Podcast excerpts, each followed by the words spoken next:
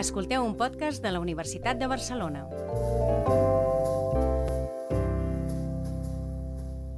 Molt bones, tornem a estar aquí en un nou podcast i avui convidem el catedràtic de Dret Administratiu de la Universitat de Barcelona amb motiu de la seva investidura com a doctor honoris causa per la Universitat de Granada. Es tracta del doctor José Esteve, Pepe, que ha desenvolupat gran part de la seva vida acadèmica a la Universitat de Barcelona, però també ha realitzat nombroses estades de recerca a institucions de primer nivell i de referència a tot el món i, i a Europa una persona particularment assenyada per la seva capacitat de fer una visió transdisciplinar i, diguem-ne, holística dels grans reptes que tenim com a humanitat. Ho fa des de la perspectiva del dret, però combinant, diguem-ne, aspectes d'altres disciplines com la sociologia, la filosofia política, etc. I prova d'això precisament són els seus darrers dos llibres, el, Descono el Desconcierto del Leviatán, Política i Derecho, eh, que és un llibre on tracta precisament de com aquells aspectes de la teoria política i de la teoria del dret del segle, de la modernitat, diguem-ne, s'han vist eh, bueno, s'han vist, diguem-ne, sota la necessitat d'introduir canvis fonamentals per poder entendre i fer front als grans reptes que tenim en l'actualitat com, a, com a humanitat. I un altre llibre que també evidencia aquesta visió, diguem-ne, holística dels grans reptes que tenim, que seria el pensament, el pensamiento antiparlamentario, on el professor Esteve precisament fa un repàs del període de principis, principis del segle XX, on alguns dels grans uh, reptes que es vam trobar podrien tenir un cert ressò en l'actualitat. Per tant, bon dia, doctor Esteve, i moltíssimes gràcies per acceptar la nostra invitació, així com, com no pot ser d'una altra manera, moltíssimes felicitats per aquesta distinció honoris causa que ha rebut eh, fa escasses setmanes. Bon dia, Pepe. Bon dia, bon dia, Ander, i encantat, encantat de, de ser aquí amb, amb vosaltres aquest matí per parlar sobre el que, lo que vulgueu. Fantàstic. Uh, si et sembla bé, Pepe, ens tutejarem, sí, sí, malgrat sí, uh, la teva la llarga trajectòria, sí, sí, sí. però bueno, coses sí, sí. de la confiança i, també, i de També ja ens coneixem i hem treballat junts en alguns projectes interessants. Jo recordo el llibre aquest de Otros ojos para ver el Prado, no? que és un llibre que van fer amb Javier Tejada i altres professors de la UB, que era un estudi dels quadres o de molts quadres del, del Museu del Prado des d'una des d'una perspectiva peculiar de cada un, no? des de, de la psicològica, des de la política, des de l'econòmica. No? Sí, un, sí. un exemple, Pepe, d'aquesta sí. interdisciplinaritat sí. de la que abans parlàvem. Entrant, diguem-ne, al, al gra, la primera pregunta que em ve al cap és per què va decidir el jove José Pepe Esteve aventurar-se en l'estudi del dret, les ciències jurídiques? Què et va motivar a optar per aquesta disciplina? I sobretot, eh, suposo que quan vas fer els estudis i, i vas optar per fer el doctorat, eh, ja hi hauria aquest punt de, bueno, per què fas carrera acadèmica quan segurament en la professió de jurista eh, tindràs una vida més senzilla? Sí. De on ve aquesta motivació, sí. Pepe? Pues no sé, posiblemente sea una, una conjunción ¿no? de, de, espíritu libre ¿no? en, en cuanto a la, eh, el tratamiento y elección de temas y estar abierto a cualquier eh, cuestión de interés y por otro lado, claro, quizá las presiones del momento, ¿no? Que te exigían, pues a lo mejor plantear tener como una cierta seguridad. Eh, entonces había la, el, la carrera, los estudios de Derecho, también hice los de Historia, ¿no? También estudié Historia en la UB, pero a los estudios de Derecho les presté, les presté mayor, mayor atención, ¿no? Y hay que decir que en aquella época en la que yo hice los estudios de licenciatura, era, era, fue la época de la transición política, ¿no? Y fue una época mm, muy convulsa, pero fascinante, ¿no? Y eh, claro, la, la, perspectiva con la que se estudiaba el derecho entonces era, no era una perspectiva positivista, no profesional, ¿no? sino que era una perspectiva crítica, ¿no? Es decir, había todo un análisis crítico del derecho que recibíamos, del derecho al que aspirábamos, ¿no? De las funciones que le cabía cumplir al derecho, que yo creo que eso eh, me marcó, ¿no? Particularmente yo creo que me marcó mucho tener ahí como profesor con el cual tuve un, un trato muy directo antes y después, luego estuvo en mi tesis doctoral y le seguí tratando con Jordi, Jordi Soletura, ¿no? que era que, que, fue una persona pues que nos a muchos de nosotros nos, nos abrió nos abrió los ojos ¿no? es decir una persona con un talante muy muy abierto nada sectario como había después también en, en, ese mundo en, determinadas posiciones ¿no? Eh, muy crítico, un talante muy muy positivo, ¿no? Un verdadero un verdadero universitario, ¿no? Él un, un, intelectual y una persona que, con un gran atractivo, ¿no? Es decir, yo creo que él influyó mucho en mi, en mi, mi carrera y en mi dedicación posterior, ¿no? Claro, lo que pasa es que eh, lo que él eh, lo que lo que estudiaba entonces lo que estudiaba Jordi no había constitución no era mm, fundamentalmente teoría, historia del constitucionalismo, ¿no? Todo se estudiaba muy bien el siglo, el, siglo, el siglo XIX, pero claro, ahí, digamos, los que teníamos unas ciertas expectativas de tocar derecho, ¿no? Tocar derecho, no teníamos todavía el, eh, el texto constitucional, ¿no? Quizá eso habría hecho que algunos de nosotros nos, nos dedicásemos más al, al, constitucional, ¿no? Pero claro, estaba también entonces el derecho administrativo, que claro, el derecho administrativo de entonces y después eh, fue un, un derecho hasta cierto punto muy muy progresista y muy revolucionario. De hecho, por ejemplo, las leyes fundamentales que siguen vigente eh, en el orden administrativo son de los años 50 o sea, en pleno franquismo, ¿no? Pero claro, ¿qué es lo que sucedía entonces? Que evidentemente no existía constitución, no existía un régimen de partidos, no existían las más elementales libertades políticas. Bueno, entonces aquello de alguna forma se trató de compensar pues estableciendo una relación entre la ciudadanía y la administración pues muy, hasta cierto punto, muy, garantista, muy, muy igualitaria. ¿no? Y de hecho, esas leyes, la ley de expropiación forzosa, la ley de procedimiento administrativo, la ley de la jurisdicción contenciosa, que son leyes claves, que son de los años 50, pasaron después el filtro constitucional, ¿no? Es decir, que después de, aprobarse la Constitución, bueno, algún artículo se retocó en algún punto, pero por lo general pasaron esa. Entonces, quiero decir que entonces el, el derecho administrativo era también un derecho progresista en la medida que bueno, articulaba todo un sistema de defensa de la ciudadanía frente al Estado entonces, que era el Estado, el Estado franquista. ¿no? Sí, que las mancances, de d'altres àmbits jurídics se podien cobrir des del dret administratiu. Exacte, exacte, exacte. N'hi havia molta gent que es llançava per al, cap al dret administratiu perquè es trobava que era un dret eh, amb una certa efectivitat no? per fer front al, al, al poder no? d'aquella època. En tot cas, uh, professor Esteve, has, uh, Pepe, has comentat eh, el professor Soleitura, has comentat que vas estudiar estudis d'història també, per tant, aquesta interdisciplinaritat, la mirada humanística, fins i tot holística, dels reptes, diguem-ne que ja traspuava des de ben inici de la teva trajectòria, i per tant no és estrany que la teva recerca hagi estat molt connectada amb l'estudi de les implicacions jurídiques dels canvis de paradigma. De fet, comentaves que vas començar a la transició, al nostre gran canvi de paradigma, però també altres que hem viscut al llarg de la modernitat, en línia amb autors i autores com l'Ulrich Beck, la Saskia Sassen, el Giddens, la Nancy Fraser, etc.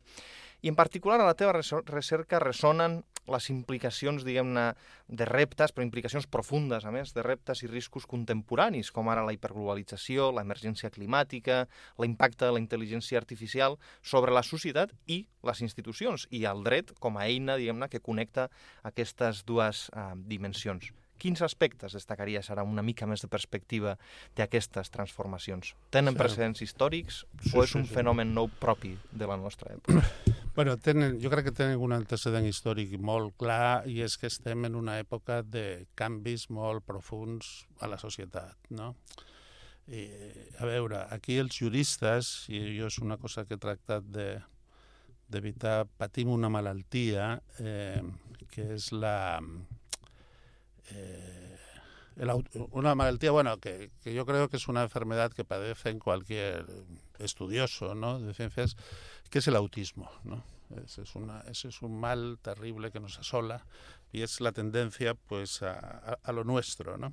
A aislarse. A aislarse. Y entonces los juristas, pues es la tendencia pues a ver el ordenamiento jurídico, las normas, las leyes, los reglamentos, lo que dice el tribunal de tal, lo que dice ese tribunal, bueno, que han cambiado las normas, ha cambiado que si el estatuto, que si la entrada en la Unión Europea, normas, etcétera cuando realmente hoy la cuestión es que los cambios no están en el sistema jurídico, sino que los cambios están fuera. Es decir, los cambios no están en la estructura del Estado, hacia lo que tienden muchas veces a, volcarse los, juristas y particularmente los publicistas, sino que están fuera. Entonces, eh, son periodos como un poco el que diagnosticaba eh, Alexis Tocqueville ¿no? en ese libro fantástico del antiguo régimen y, la revolución. ¿no? Poco después de, la Revolución Francesa. Y lo que venía a decir, su tesis central era la siguiente. Él venía a decir, bueno, es que las instituciones del antiguo régimen son unas instituciones centenarias que funcionaban bien. Es decir, que además con tanto tiempo pues habían sido muy afinadas ya por los juristas, por los tribunales, o sea, aquello ya era muy preciso, ¿no? Y funcionaba muy bien. Dice, el único problema es que estaban pensadas para otra sociedad. Es decir, era, una, era la sociedad medieval, que era ya muy distinta de la sociedad que tenía. Entonces, esto es lo que yo creo que es lo que está ocurriendo hoy en día. Es decir, eh, los cambios eh, no se producen, eh, no es que ahora cambie una constitución o vamos a meter tal artículo o vamos a hacer una reforma de la ley. Es decir, los cambios realmente de calado y de, gran intensidad se están produciendo en el, en la sociedad. ¿no? Y por eso de ahí que yo haya tratado de, echar la mirada sin perder de vista el derecho positivo, pero tratar de, mirar a lo que ocurre en la, sociedad. Y de ahí mi acercamiento a estos autores que, mencionas y a otros, ¿no? particularmente si antes he hablado de, de Jordi Soletura, pues un autor de estos que mencionas que conocí, traté mucho y que influyó fue Ulrich Beck, ¿no? Es decir, yo recuerdo que fui a Múnich en, eh, en los años 87 sería y tal, un periodo largo de dos años, iba a estudiar un tema de, de derecho de derecho positivo. Y con la sociedad Claro. Y cayó en mis libros este libro, en, mis manos este libro, Ulrich Beck estaba al lado, vamos, la facultad, bueno, él trabajaba como una especie de, era una facultad que estaba en, un, en una especie de chalet, en una casa de tal, esto porque no tenían sitio entonces. Y pues nada, pues fui a verle y desde entonces eh, pues, pues, pues em, tuvimos una relación personal muy, muy cercana. ¿no? De hecho, yo traté en un libro que escribí luego, que tuvo bastante impacto, que se llamaba Técnica, Riesgo y Derecho, traté de trasladar al ámbito jurídico los, eh, eh, digamos, los, estudios y los, los avances y los desarrollos que había, que había realizado Ulrich Beck, pero claro, es que esto de la sociedad del riesgo pues, pues es una realidad que tiene unos efectos en, el derecho y en, eh, verdaderamente verdaderamente extraordinarios ¿no? que cambia muchas cosas ¿no? es decir que un concepto tradicional del derecho público el concepto de orden público por ejemplo pues eh, actualmente está desplazado por otro concepto que es el, de riesgo permitido ¿no? o sea que hay hay toda una todo un sistema del derecho que hoy en día que antes se explicaba en torno al viejo concepto de policía administrativa y hoy tiene una explicación mucho más real y mucho más efectiva en torno a esta idea del, de la sociedad del riesgo. ¿no? O sea que en definitiva el derecho lo que hace es muchas veces decidir riesgos que se aceptan, gestionarlos y establecer sistemas de responsabilidad por esos riesgos. Y coincides, por tanto, con la idea del profesor O hasta cierto punto, digamos, de que los conceptos que nos dio la modernidad de soberanía, de independencia, de autogobierno, se tienen que reconfigurar para adaptarse a esta nueva realidad, donde, por ejemplo, la toma de decisiones está cada vez más algoritmizada, con lo cual podemos plantear la capacidad de la ciudadanía de decidir y de escoger en los mismos términos que en el siglo XVIII y XIX. No, no, por supuesto, por supuesto. Vamos. Bueno, y esos conceptos a los que se refiere, a los que se refiere Dani Niraritis, y que conozco perfectamente su obra y cómo los trata, claro, esos conceptos eh, son conceptos que se aparecen en el, sobre todo en el siglo XIX, se, se estructuran ahí, pero si miramos a un crítico de la modernidad, ¿no? que aparece ahí en el pensamiento antiparlamentario, un crítico feroz, ¿no? que al final acabó en las degenerando en las aguas del nazismo, ¿no? como Carl Smith nos decía a su vez que esos conceptos de los que habla eh, Dani ¿no? y, que tú, mencionas dicen, eran originariamente conceptos teológicos, es decir, conceptos teológicos que se, se secularizaron. ¿no? Y y, bueno, entonces evidentemente eh, tenemos que, que recomponer, eh, que recomponer muchos de esos de esas realidades y de esos conceptos. Hay muchas, muchas transformaciones. A mí un, tema que ahora me preocupa mucho y que es un poco todo el, el declive del concepto de ley y la, eh, el avance tremendo del contrato. Es decir, que también es una... Eh, el contrato siempre ha sido el arma del, del, liberalismo, bueno, el arma, el instrumento ¿no? de la sociedad económica, pero es que hoy en día el contrato se está expandiendo en todos los frentes y le está ganando terreno a la ley, pero no solamente a la ley, sino a, la, a la justicia, ¿no? O sea, tú sabías, por ejemplo, que hay los procesos judiciales, claro, esto nos viene mucho de la órbita anglosajona, pues ya se contrata, las partes, o a veces con el fiscal, pactan los hechos. Es decir, no, solo vamos a discutir en juicio sobre estos hechos. Y eso se pacta en un contrato. Pactan las pruebas. Dice, no, solo vamos a tener estas o estas pruebas. Y pactan el régimen de recursos. No, después tú no podrás recurrir esto ante el Tribunal Europeo, sí que podrás recurrirlo ante esto, y eso se pacta en un contrato. Y por supuesto, la sentencia final muchas veces es el resultado de un acuerdo, de un pacto entre el fiscal y, o sea, hoy en día muchos procesos, lo que antes eran procesos judiciales, no se llega al final pues porque ya las partes llegan llegan a un acuerdo. Es como si se va a jugar un partido de fútbol, antes de un partido de fútbol se pacta, se pacta el resultado, ¿no? con, los problemas que supongo que esto acarrea en términos de no tener en consideración las desigualdades estructurales que puede haber. No, pero por, supuesto, claro, es que digamos todo lo que todo la ley ha sido el gran instrumento, son la ley son prescripciones generales. Esa, es la, la, fuerza de la ley, es decir, su, su, general, su generalidad. La ley es la misma para todos, ¿no? Es decir, es un, es un, es un instrumento claro en favor de, de la igualdad, ¿no?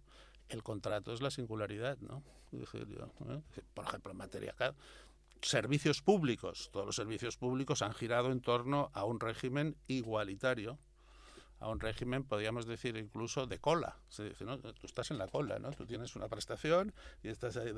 Ahora, eh, este, por ejemplo, Sandel, ¿no? Que es un filósofo que tiene este libro que he leído, ¿Qué es lo que no puede comprar el dinero? ¿no? es un libro así muy, muy divulgativo, pero pero me llama, sí, llama la atención esa referencia que hace a la ética de la cola, ¿no? Es decir, que la ética de la cola, que estar todo el mundo en la cola esperando una prestación pública o del tipo que sea, pues es una ética igualitaria y están con independencia del origen de cada persona. De Pero claro, dice, no, es que ahora en Estados Unidos se paga por hacer cola, es decir, que, es que en definitiva se contrata, ¿no? es decir, que hay unos tipos que se ponen allí cuando va a haber un concierto, de, yo que sé, de los Rolling Stones y la gente tiene que hacer cola toda una noche, pues hay unos tipos que se ponen ahí a hacer cola para alguien que él luego les va a comprar las, las entradas. Los bienes sociales vueltos bienes de mercado. Exacto, exacto. Eso, esa es una tendencia que, claro, que eso en derecho, digamos, se manifiesta en eso, es decir, un deterioro, un declive de la ley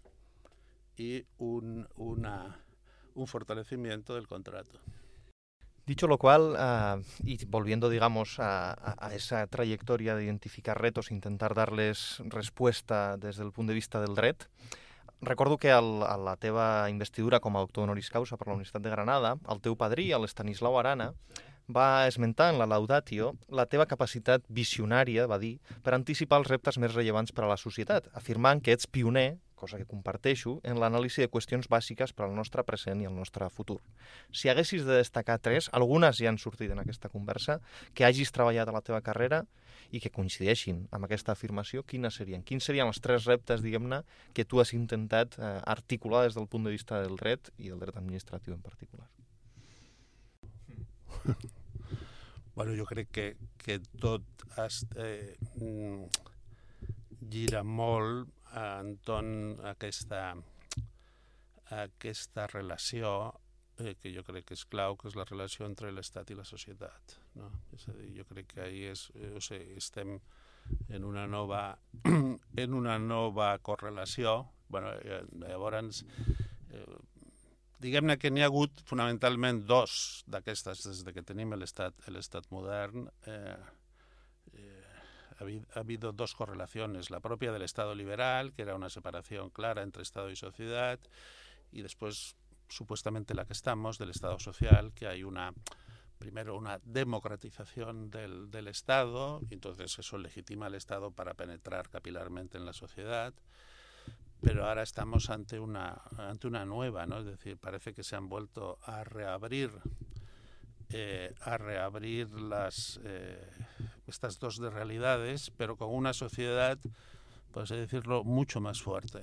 Eh, que hoy en día los grandes poderes no están en el, en el, Estado, como pensábamos que, o podíamos pensar hace 40 años. La crisis del 2008 como ejemplo. Sí, la crisis del 2008, bueno, el, el poder, el poder económico, ¿no? Es decir, o sea, no solamente no es que sean poderes que no estén en el Estado, en la órbita pública, sino que siendo poderes privados se han autoorganizado de manera muy, muy efectiva. Por ejemplo, en la crisis del 2008, el gran público se escandalizó con la presencia de unos sujetos ahí que parece que lo definían todo, que eran las llamadas agencias de rating, que eran unas agencias que además eran capaces de decir al Estado lo que tienes que hacer.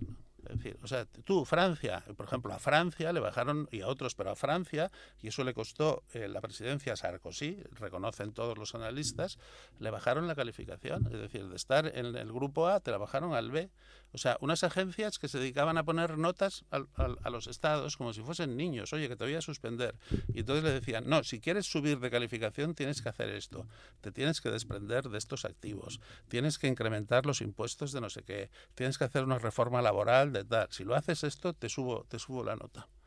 Entonces, es eso que quería decir. Y, y la gente se escandalizaba. Pero bueno, estas agencias de rating, ¿qué son? Si son empresas privadas, eh, funcionan como tal, sin ningún basamento democrático.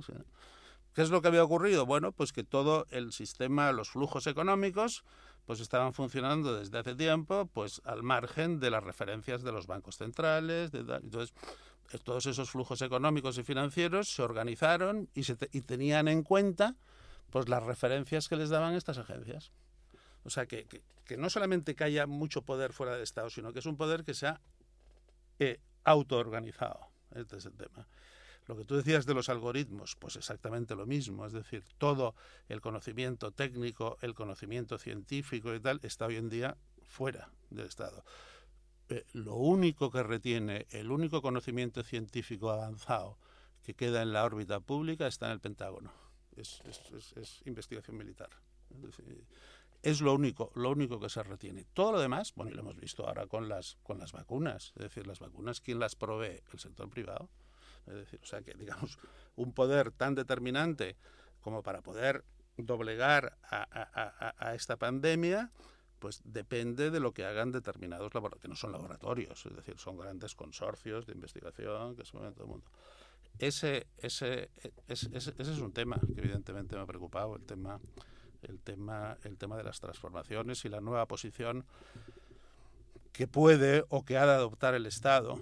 Es decir, que el Estado ya no puede pretender estar en primera línea de todo, ¿no? Decir, pues a lo mejor tiene que, admitir los algoritmos, decir, un momento, pero lo que tendrá que hacer el Estado de alguna forma es un movimiento de repliegue estratégico para mm, al menos garantizar ciertas cosas. Cuestiones como la legitimidad, Claro, claro. la responsabilitat, exacte, la, exacte. account- l'accountability... Exacte, que es pot, de, que es pot eh, fer un, un algoritme, val, això no tindrem moltes vegades més remedis que fa, que tot el tema de la investigació científica i tal està en mans privades, pues, bueno, pues és una cosa que potser s'haurà d'admetre perquè, bueno, pues són, tenen la inversió, tenen la innovació, lo que sigui. Pero, entonces, lo que ya no se puede pretender es esa pretensión napoleónica, ¿no? Napoleón, que prácticamente todos, el Estado y sus ingenieros estuviesen en todo y lo controlasen todo, eso no. Entonces, lo que, lo, lo, lo que procede es hacer como un movimiento de repliegue estratégico, es decir, tú no estás en todo, en primera línea, pero garantizas. Es decir, hay una serie de intereses públicos que tienes que garantizar. Ese es el cambio, perdona, bueno, y esta es otra de las ideas, ¿no? Todos los que nos preocupa, el cambio del, de todo el derecho público. El derecho público que sale de la Revolución Francesa y tal es un derecho garantista de los individuos frente a un poder del Estado que se estaba mm, acrecentando. Hoy en día el derecho público tiene que ser un derecho no que garantice derechos individuales, sino que garantice intereses generales en juego.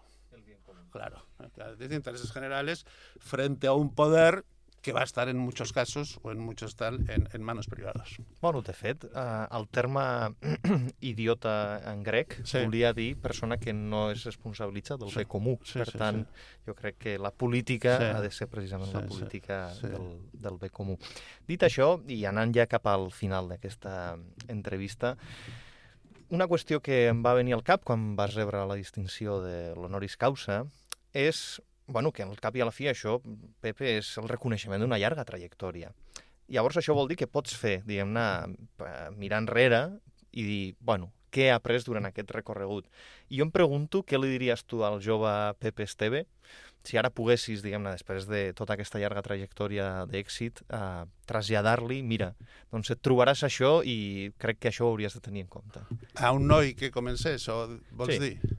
A, a tu mateix, és a dir, Sí. què t'hagués agradat saber, ara Sí. que ja saps, Sí. quan vas començar, No, no, jo crec que, que, que, que he tingut la, he tingut la, la sort no, de, de trobar-me en un bon moment eh, universitari a, a Espanya en aquests moments, no? després de la transició. És quan realment es va fer a Espanya el, el, l'estat social, no? Eh, és quan realment, bueno, jo crec que podria, jo, en mi època, jo crec que podia tenir les matrícules d'assignatures gratuïtes pues, per, per molts conceptes, no? Per, per, bueno, primer perquè a vegades també treus una matrícula d'honor que tenies matrícula gratuïta, després te, que tenia família numerosa, després que el meu pare era funcionari del Ministeri de tal, després perquè la matrícula pràcticament era gratuïta. Tot això, avui en dia, jo amb els meus fills, jo ja, ja no lo trobo, no?